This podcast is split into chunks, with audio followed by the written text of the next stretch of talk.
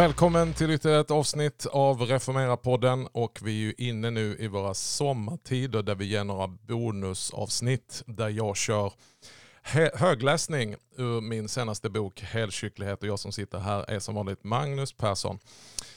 Eh, och vi har kommit till eh, det sjätte avsnittet där jag eh, läser lite smakprov ur eh, budskapet och innehållet i boken helkyrklighet om kyrkans fullhet. Och nu har vi kommit fram till kapitel 6 där vi talar lite grann om kyrkoåret. Ett nådens år för julvänner, påskvänner och pingstvänner.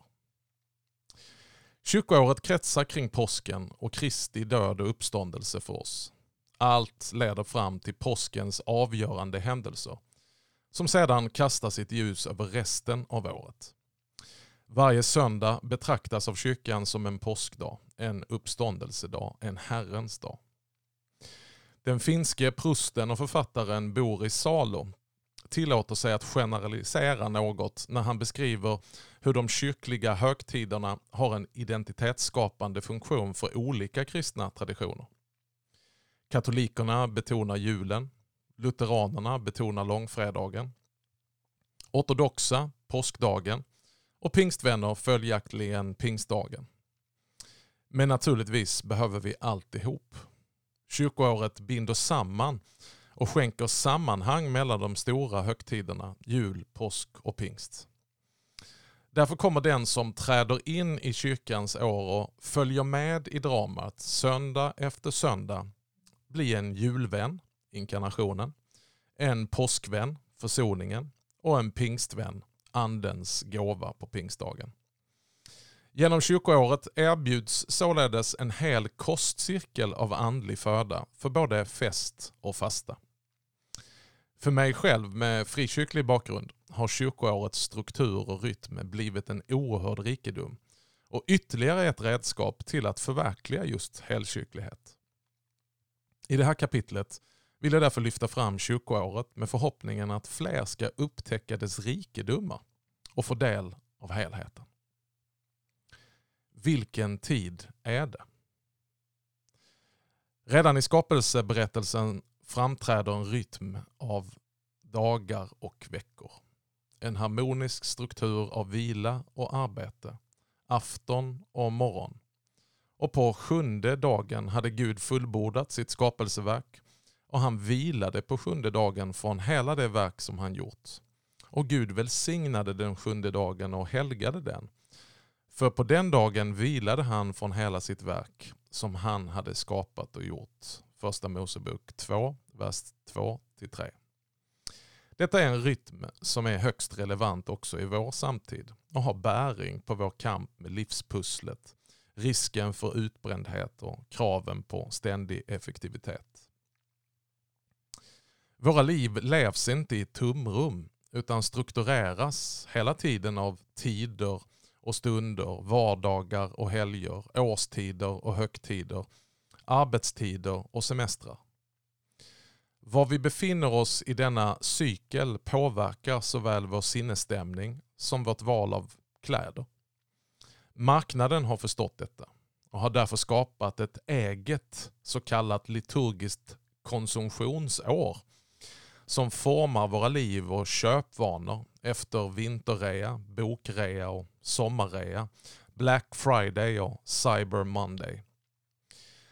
Detta mönster talar om för oss när vi förväntas vara extra glada och ska fira lite extra. Det anger vad vi ska äta och hur vi ska pynta hemmet. Det är konsumtionens evangelium som förkunnar vad vi ska köpa och var vi ska resa för att vara säkra på att vi lever det goda livet och får ut det mesta av varje säsong.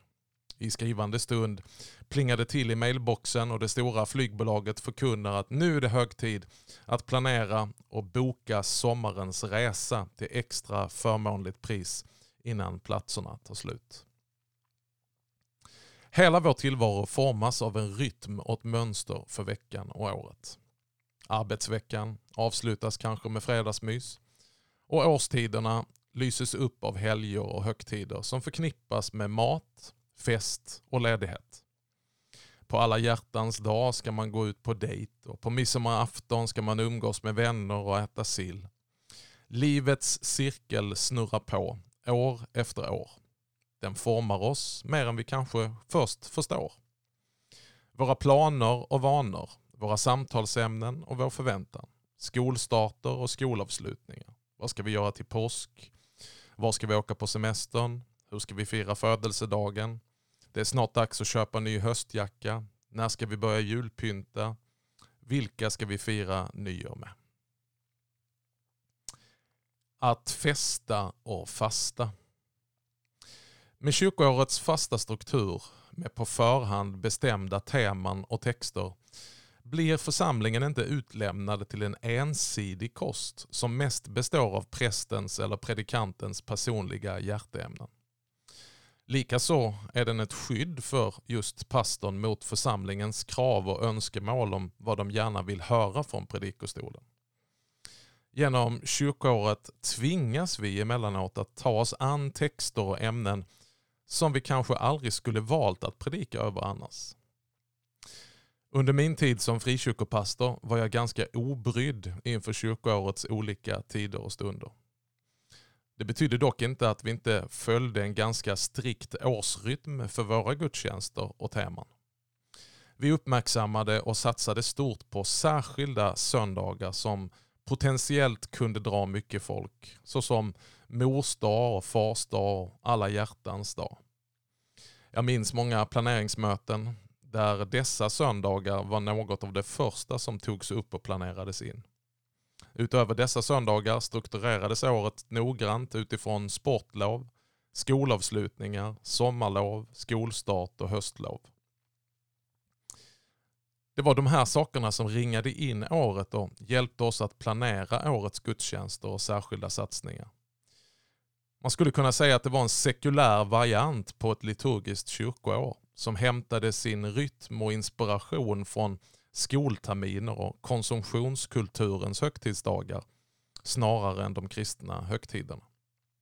Det behöver inte vara fel att i något sammanhang uppmärksamma dessa dagar också i kyrkan, även om de inte har sprungit fram ur den kristna frälsningshistorien. Det märkliga i mitt eget sammanhang på den tiden var dock att vi under samma period inte ägnade det kristna kyrkoårets högtider någon större uppmärksamhet. Problemet var inte så mycket vad vi gjorde som vad vi inte gjorde. Länge undvek vi att göra något större av kyrkans stora högtidsdagar som advent, jul och påsk under förevändningen att de var svåra att göra något ordentligt av. Detta eftersom de flesta firade dessa dagar som kulturella högtider. Dagar då man är ledig från skola och arbete. Dagar då man vill umgås med familj och vänner. Och sedan har ju den sekulära kulturen i hög grad lagt beslag på de här högtiderna och gjort dem till prime time för diverse fester, tv-underhållning, biopremiärer, resor och evenemang av alla de slag. Därför blev det mer en fråga om events av underhållningskaraktär under de här högtiderna. Stora föreställningar inför jultiden och festliga middagsbjudningar under påsken. För att ta ett konkret exempel ur min egen historia. Alla hjärtans dag och askonsdagen infaller ibland under samma vecka. Under flera år uppmärksammade vi på olika sätt alla hjärtans dag och gjorde den till en av våra stora söndagar, även om den sällan infaller på en söndag. Vi tog tillfället i akt att på denna dag tala om kärlek och relationer utifrån ett bibliskt perspektiv. Det är ingen dum idé då det är i hög grad kopplade med vad som upplevdes som viktigt och aktuellt för många. Det blev ett sätt att både attrahera nya besökare till kyrkan såväl som ett tillfälle att förmedla ett relevant tema. Alla hjärtans dag har sitt ursprung i firandet av helgonen Sankt Valentin sedan 400-talet. Enligt vissa källor led han martyrdöden av oklara anledningar. I Skandinavien finns dock ingen större tradition där vi har uppmärksammat Sankt Valentin. Det var först mot slutet av 1900-talet som alla hjärtans dag började uppmärksammas på våra breddgrader. och då enbart av kommersiella skäl. Denna dag firas nu för tiden i kärlekens tecken och många slår på stort med romantiska middagar och kanske en kärleksgåva till den man älskar. Det har också blivit en populär dag för frierier och förlovningar. Och jag hörde någonstans att under denna dag säljs inte mindre än fyra miljoner röda rosor enbart i Sverige. Fint och underbart på många sätt. Samtidigt så gick kyrkans stora fasteperiod oss helt förbi. Askonsdagen tror jag ärligt talat att de flesta av oss på den tiden inte ens kände till. Och än mindre dess innebörd. Men askonsdagen har minst lika lång historia som alla hjärtans dag. Mer och, och, och är mer en del av kyrkoårets kalender. Ända sedan kyrkans första tid praktiserade man fasta under kortare eller längre perioder fram till påskdagens uppståndelsegudstjänst. Med förebild i Mose, Elia och Jesu 40 dagars fastor utvecklade kyrkan en 40 dagars fasta inför påsken så tidigt som redan på 300-talet.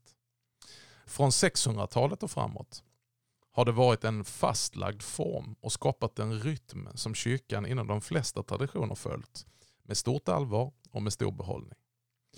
För att det skulle bli 40 dagar fram till påskdagen, söndagarna borträknade, inrättade man askonsdagen som på ett dramatiskt sätt med en speciell mässa markerade inledningen av den stora fastan. Aska eller askar med choklad. Ja, kontrasterna är lika stora som innehållet. Förälskelse kontra förgänglighet och försakelse. Askonsdagen har definitivt inte samma attraktiva klang som den trendhypade Valentine's Day. I Gamla Testamentet återkommer uttrycket att fasta i säck och aska. Folket på den tiden och profeterna strödde ibland aska över sig för att markera djup djupet och allvaret i sin omvändelse. Askan står för det förmultnade, det förgängliga och utmanar vår fåfänga. Ytligheten som trängt undan innerligheten, hängivenheten som falnat och hjärtat som svalnat. Att som kyrka vandra i takt med samtidens idéer snarare än med den kristna traditionen, det får konsekvenser. Vi leds omedvetet in i en annan berättelse som på olika sätt formar oss. Vi missar då de viktiga tilltalen och påminnelserna som är inbyggda i kyrkoåret. Vårt uppmärksammande av dessa firningsdagar blir nämligen formativa. Det vill säga de präglar vår föreställningsvärld och uppfattning om livet på konkreta sätt. Som moderna kristna behöver vi därför fråga oss om vi dansar till rytmen av konsumtionskulturens senaste visioner om det goda livet eller till kyrkans tidlösa och evigt aktuella budskap. Har samtidens sekulära anda och värderingar så till den grad format oss att vi har börjat stämma in i kören som ropar mer, bättre, fortare och större. Jag är rädd för att kyrkans sekularisering av gudstjänstlivet har bidragit till att vi har förlorat den profetiska udden i vårt tilltal. Finns det behov att återerövra rösten som manar till tider av avskildhet och återvinna måttlighet och enkelhet? Behöver vi ibland stanna upp och skapa utrymme för att söka heligheten och verkligheten i Kristus som vi alla längtar efter men så lätt förträngs av rastlösheten och dränks i omgivningens distraherande brus. Det finns en viktig poäng i att på nytt låta det kristna kyrkoåret leda oss in i en rytm av både fest och fasta.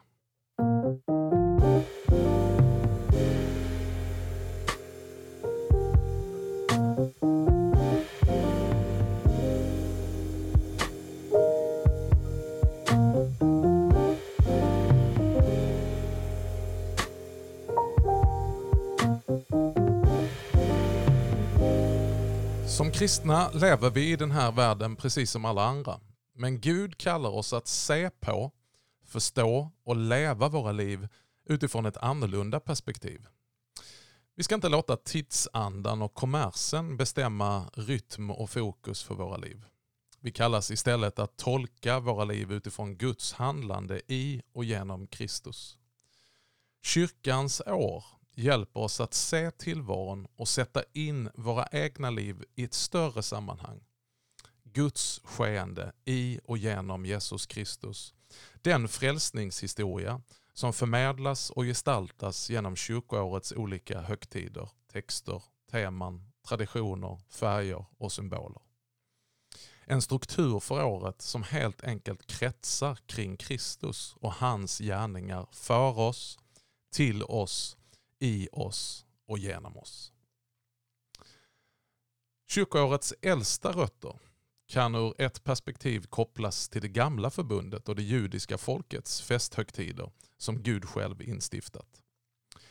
Pedagogiken är glasklar. Genom att på ett konkret sätt leva sig in i dessa historiska skeenden formades ett gemensamt minne som rotade gudsfolket i Guds väldiga gärningar för dem. Lika tydligt är det att när folket avfaller från att fira de heliga högtiderna och slutar samlas kring de heliga texterna blir de sekulariserade och tar intryck av de omgivande stormakterna och deras kultur. De tappar bort sin identitet. Tron urholkas. Guds väldiga gärningar och löften kommer i skymundan och till slut faller de in i en annan berättelse och hamnar i exil i händerna på andra makter. Reformation i gamla testamentet handlade till stor grad om att återerövra tempelgudstjänsten, högtiderna och genom dem återupprätta tron och identiteten bland gudsfolket. I takt med att den unga kyrkan växer fram och börjar fira söndagen som Herrens dag utifrån Kristi uppståndelse så läggs en förnyad, eller ska vi kalla det för en fullbordad innebörd i dessa högtider. Både påsken och pingsten får ett utifrån nya förbundet förnyat innehåll. Så länge som den unga kyrkan till största delen bestod av Jesus-troende judar var det inget större problem med firandet av dessa högtider. Efterhand kom dock kyrkan att bestå av allt fler nyomvända hedningar och då behövdes förklaringar för att förhålla sig till dessa från början judiska inslag. Mot den bakgrunden och med hjälp av den romerska statsmakten började ett mer tydligt kristet kyrkoår ta form från och med 300-talet. Juldagen fixerades i den västliga traditionen och Epifania, trettondagen, i den östliga traditionen. Men den stora arkitekten bakom kyrkoårets utformning var Jerusalembiskopen Kyrillos. Mot 300-talets slut knöt han högtiderna till de heliga platserna i det heliga landet. Det blev ett pedagogiskt verktyg för att introducera pilgrimerna som kom till det heliga landet under högtiderna. och, och eh, eh, Att knyta eh, detta till den frälsningshistoriska innebörden i dessa högtider. Och med hjälp av pilgrimerna spred sig denna kunskap snabbt vidare över världen när de pilgrimerna återvände hem. Under medeltiden formades kyrkoåret steg för steg till en helhet och blev mot slutet av 1500-talet en sammanhängande årscykel som påminner om det kyrkoår vi känner idag. Sedan 1772 års liturgireform så har det svenska kyrkoåret i princip haft samma struktur och innehåll som det har idag. Varje söndag och helgdag har sitt givna firningsämne som får sin karaktär genom tema och texter. Temat belyses genom ett urval av textavsnitt, perikoper, en gammaltestamentlig text, en episteltext och en evangelietext samt söndagens saltartext som kan läsas, bedjas eller sjungas. Texterna finns i tre årgångar som således roterar och återkommer var tredje år. Undantaget är de stora helgdagarna då samma förfiningsämnets centrala texter återkommer år efter år. Textläsningarna och den efterföljande utläggningen av dessa i predikan tillsammans med de olika högtidernas karaktäristiska liturgiska gestaltning, böner och sånger samverkar på ett pedagogiskt sätt till att föra oss till tro och rota oss i frälsningshistoriens olika avgörande skeenden. Hela kyrkoåret kretsar kring Jesus Kristus. Ett uttryck som härstammar från medeltiden uttrycker detta. Annus est Christus, alltså Kristusåret eller året med Kristus. Varje år har samma rytm och för varje varv borrar vi oss djupare och djupare in i Guds outtömliga rikedomar. Kyrkans helgdagar, var och en med sina särskilda texter, böner och liturgiska gestaltning, speglar livets växlingar i ljuset av berättelsen om Jesu födelse, liv, död och uppståndelse. Här ryms glädje och sorg, tro och tvivel, förtvivlan och hopp, kamp och seger. Högtiderna och helgdagarna de är hållplatser och riktmärken på vår egen pilgrimsfärd under vilken vi får stanna upp, fördjupas och formas av dessa frälsningshistoriska skeenden. Kyrkoåret utspelar sig mellan Kristi första och andra tillkommelse. Han kommer först som frälsaren, som det fullkomliga offret för våra synder och sedan som konungen, domaren och fridsfursten. Rätt brukat bidrar alltså kyrkoåret till den helhet som jag far efter med begreppet helkyrklighet och motverkar den fragmentisering som i hög grad präglar vår tid. Första halvan av kyrkoåret, från advent till pingst, fokuserar på Kristus och hans verk för oss och gåva till oss andra halvan av kyrkoåret efter pingst fram till domsöndagen, handlar om Kristi verk i och genom oss. Den kristnes liv i efterföljelse av Kristus. De två utmärkande höjdpunkterna under kyrkoåret är de två stora högtiderna jul och påsk. Förr i tiden kallades dessa högtider för festkretsar, julkretsen och påskkretsen. Dessa högtider är uppdelade i tre delar. Förberedelsetid, firningstid och efterfirningstid. Förberedelsetiden utgörs av en fasteperiod. Julen förbereds under adventsfastan och påsken under den stora fastan. Firningstiden är intensiva dagar som uppehåller sig vid det stora och frälsningsavgörande skeendet. Inkarnationens stora mirakel under julen och uppståndelsens under, eh, under i den tidiga påskdagens morgonstund. Efterfirningstiden handlar om hur vi dröjer kvar i följdverkningarna av det som har inträffat. Under jultiden bara drygt sju dagar, men under påsktiden nästan hela sju veckor.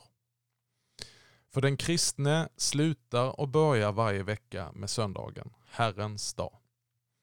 Veckan kan ha inneburit både glädje och sorg, på söndagen samlar Gud oss för att vi ska få möta honom genom ordet och sakramenten. Sedan sänds vi ut av och med honom till tjänst i vardagen bland våra medmänniskor. Söndagen är därför den kristna kyrkans och den enskilde kristnes stora dag i veckan. Då markerar vi att Guds skapelse blev fullbordad på den sjunde dagen och vi firar Jesu uppståndelse. Utifrån det perspektivet betraktas därför varje söndag som en påskdag. Kyrkoårets liturgiska rytm med dess olika delar har också en pedagogisk och formativ funktion som gör att trons olika beståndsdelar fördjupas och så att säga sätter sig i kroppen om vi tar till oss alla de betoningar och hjälpmedel de olika säsongerna skänker oss. Vi blir helkyrkliga genom att formas av kyrkoåret.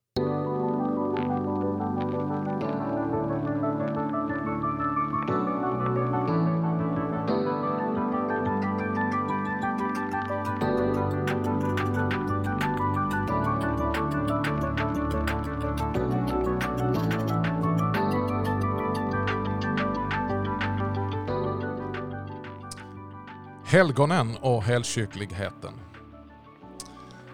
Även om vi i de protestantiska kyrkorna inte har någon formell helgonförklaringsprocess så har vi många föregångare och förebilder.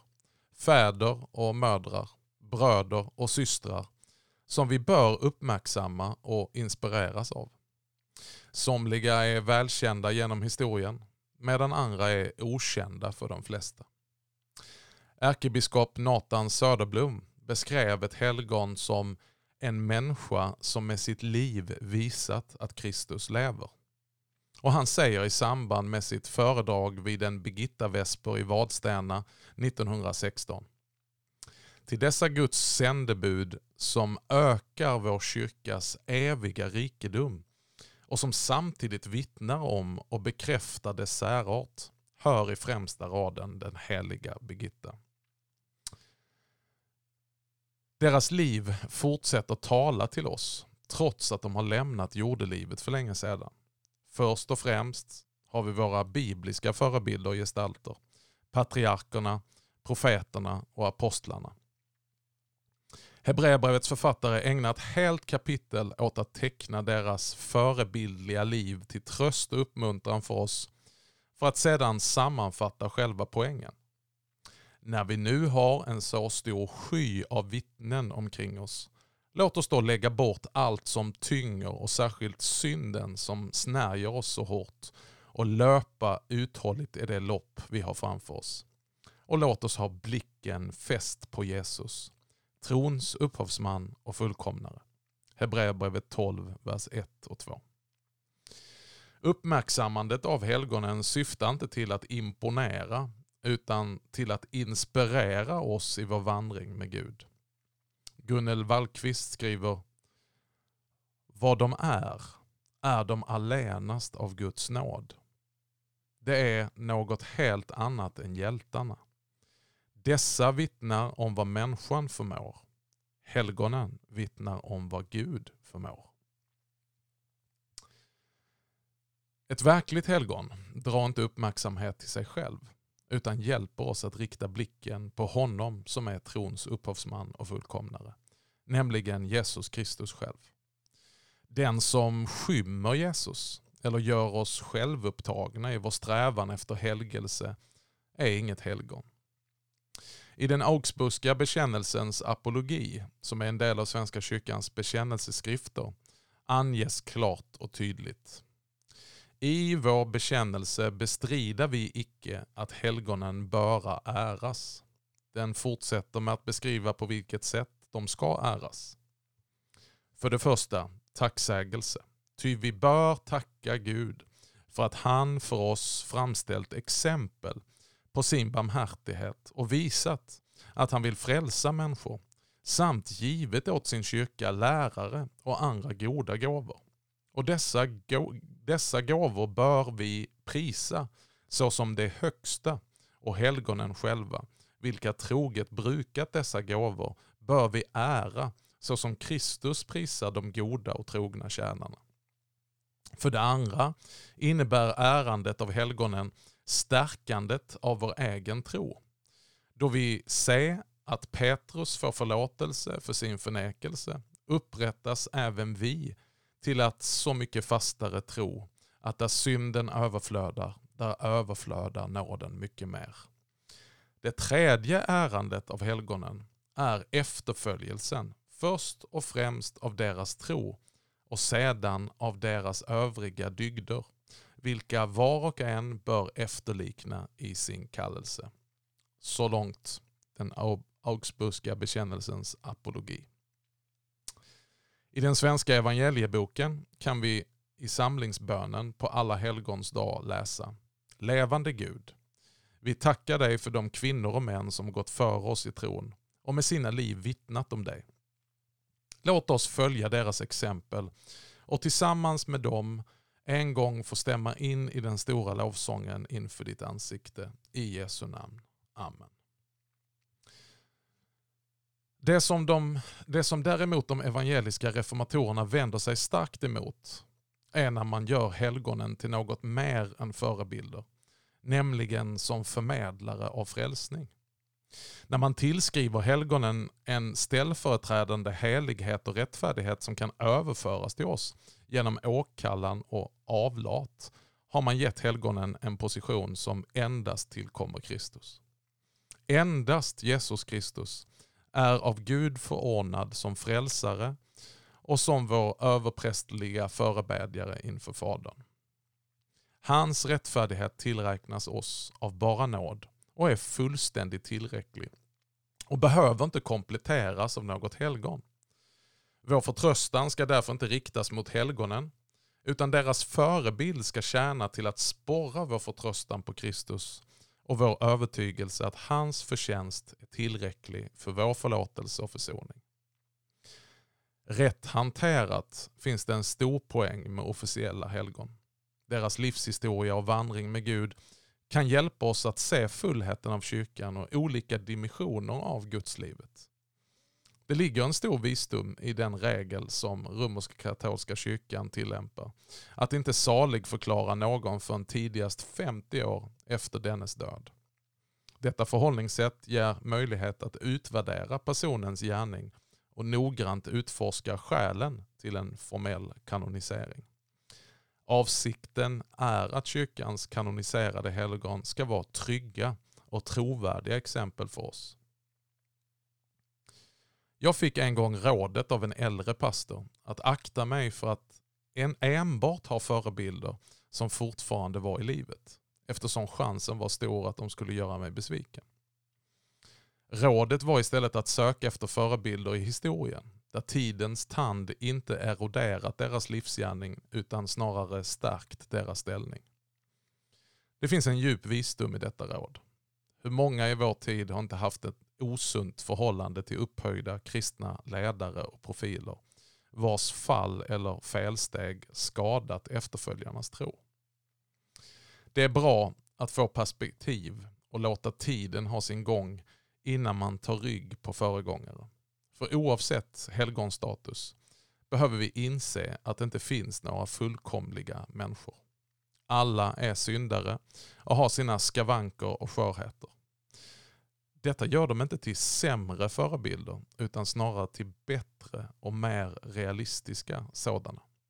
Gunnel Wallqvist formulerar detta både vackert och träffsäkert i sin bok om helgonen. Hon skriver Men inte alla faktiska heliga människor har blivit kanoniserade. Många av de allra största har, för, har fört en alldeles obemärkt tillvaro i den jordiska kyrkan. Om dessa vet vi ingenting. Det finns också en kategori helgon som med nödvändighet måste förbli anonyma, men vilkas existens det är viktigt att minnas. Det är de vilkas helighet är mer eller mindre fördold för mänskliga ögon, undanskymd av mänskliga svagheter och lyten, som är desto mer märkbara. Det finns alla de som bär på ett tungt arv. Alla de som inte kan bli herrar över sina drifter men som dagligen och stundligen kämpar utan att förtröttas. De faller på nytt och reser sig ständigt på nytt och deras ånger och ödmjukhet vittnar om lika mycket kärlek som de stora helgonens strålande och mer fläckfria vandel. Alla dessa har sin prototyp i rövaren på korset. Den anonyme som kanoniserades av Herren själv men aldrig skulle ha kunnat bli kanoniserad av kyrkan därför att Gud ensam kan se in i människans hjärta och här fanns inget heligt liv att ta fasta på. Så långt citat Gunnel Wallqvist. Guds rike växer fram och gestaltas genom människor där tron blir synliggjord och tillgänglig. Paulus sammanfattar kärnan i modellen Följ mitt exempel liksom jag följer Kristi exempel. Första Korinthierbrevet 11, vers 1. Aposteln uppmanar till en konkret efterföljelse av honom och hans exempel. Ännu tydligare blir det i hans skrifter till Timoteus. I Paulus andra brev till sin lärjunge skriver han i sin inledande tacksägelse med hänvisning till de som gått före honom själv. Som jag, liksom mina förfäder, tjänar med rent samvete. Andra Timoteus brev 1, vers 3. Paulus finns med andra ord i ett konkret sammanhang och anknyter sin tjänst och sitt budskap till en lång linje av föregångare. Han befinner sig inte i ett vakuum och han har inte dykt upp som gubben ur lådan. Han fortsätter sedan med att påminna Timoteus om hans egen anknytning och kontext för hans personliga trosformation. Han skriver, jag tänker på den uppriktiga tro som finns hos dig. Den tro som först fanns hos din mormor Louis och din mor Enike som nu och som nu, det är jag övertygad om, också finns hos dig. Andra Timoteus brev kapitel 1, vers 5. Paulus går vidare och uppmanar Timoteus alldeles konkret att som mönster för en sund förkunnelse ska du ha de ord som du hört av mig. Andra Timoteus brev 1, vers 13. Och vidare att bevara det goda som nu har anförtrotts dig. Andra Timoteus brev kapitel 1, vers 14. Timoteus uppmanas även att själv bli en länk i denna kedja av förebilder som för tron vidare. Paulus skriver, det du har hört av mig inför många vittnen ska du anförtro åt pålitliga personer som i sin tur kan undervisa andra. Andra Timoteus brev kapitel 2, vers 2. Paulus ger sedan sitt vittnesbörd om Timoteus som en trogen efterföljare. Han skriver du har troget följt mig i lära och liv, i målsättning och tro, i tålamod, kärlek och uthållighet, i de förföljelser och lidanden som drabbade mig. Andra Timoteus brev kapitel 3, vers 10 och 11. Några verser längre fram kommer Paulus starka uttalande om skriften som är inspirerad och utandad av Gud, vilken är grunden för hela vår tro. I sammanhanget talar han dock inte bara om en bok eller ord, utan han säger med eftertryck till Timoteus, du vet av vilka du lärt det. Andra Timoteus brev kapitel 3, vers 14.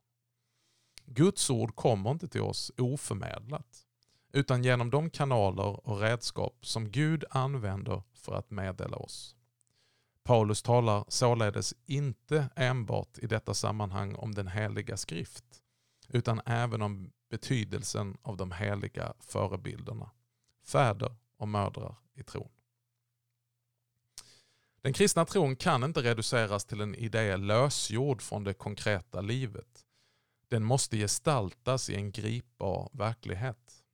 Josef Ratzinger, påve Benedikt, menar därför att helgonen är de verkligt sanna exegeterna som förkroppsligar vad de bibliska texterna innebär genom att de låtit ordet gripa dem helt och fullt. Peter Halldorf lyfter samma tanke i den lilla skriften Doften av helgon. Om att det är just i dem vars liv som Guds ord tagit gestalt som tron synliggörs. Han skriver Vi står i tacksamhetsskuld till alla dem som traderat tron genom att leva den och fira den.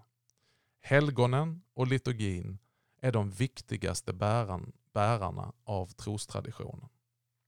Han citerar också den ortodoxe teologen Vladimir Losky som säger traditionen är inte bärare av uppenbarelsen. Den uppenbarar den. Traditionen är inte sanningen. Den är förmedlaren av sanningens ande. Jag önskar därför med dessa rader belysa vikten av att ordet efter inkarnatoriskt mönster blir kött och blod. Tron har inte kommit till oss oförmedlad, oförmedlad utan genom kyrkan. Genom kristna systrar och bröder, mödrar och fäder, präster och pastorer, söndagsskolelärare och ungdomsledare så har vi fått lära oss trons språk och formats i fromhet och efterföljelse. Men vi är inte begränsade till endast de som är samtida med oss utan genom kyrkans tradition och rika litteraturskatt, genom minnesdagar och firningsdagar, kan vi uppmärksamma och lära från alla de som har gått före oss. Vi behöver ta tid att sätta oss in i dessa gudsmänniskors livsöden och lära känna olika typer av spiritualiteter och inte minst kyrkans rika missionshistoria. Detta hjälper oss att orientera oss och upptäcka hela kyrkans rikedom att tillsammans med alla de heliga upptäcka höjden och djupet, bredden och längden som en vägledning till helkyrklighet, hela kyrkans mångfald och fullhet. Ett stort tack för att du har hängt med oss på vår lite eh, utvalda smakprov av boken Helkyrklighet som vi kör här nu under sommartiden. Vi är tillbaka nästa fredag med ett nytt avsnitt och ett nytt smakprov från innehållet i boken Helkyrklighet. Till dess, njut av eh, sensommaren och eh, vi ses!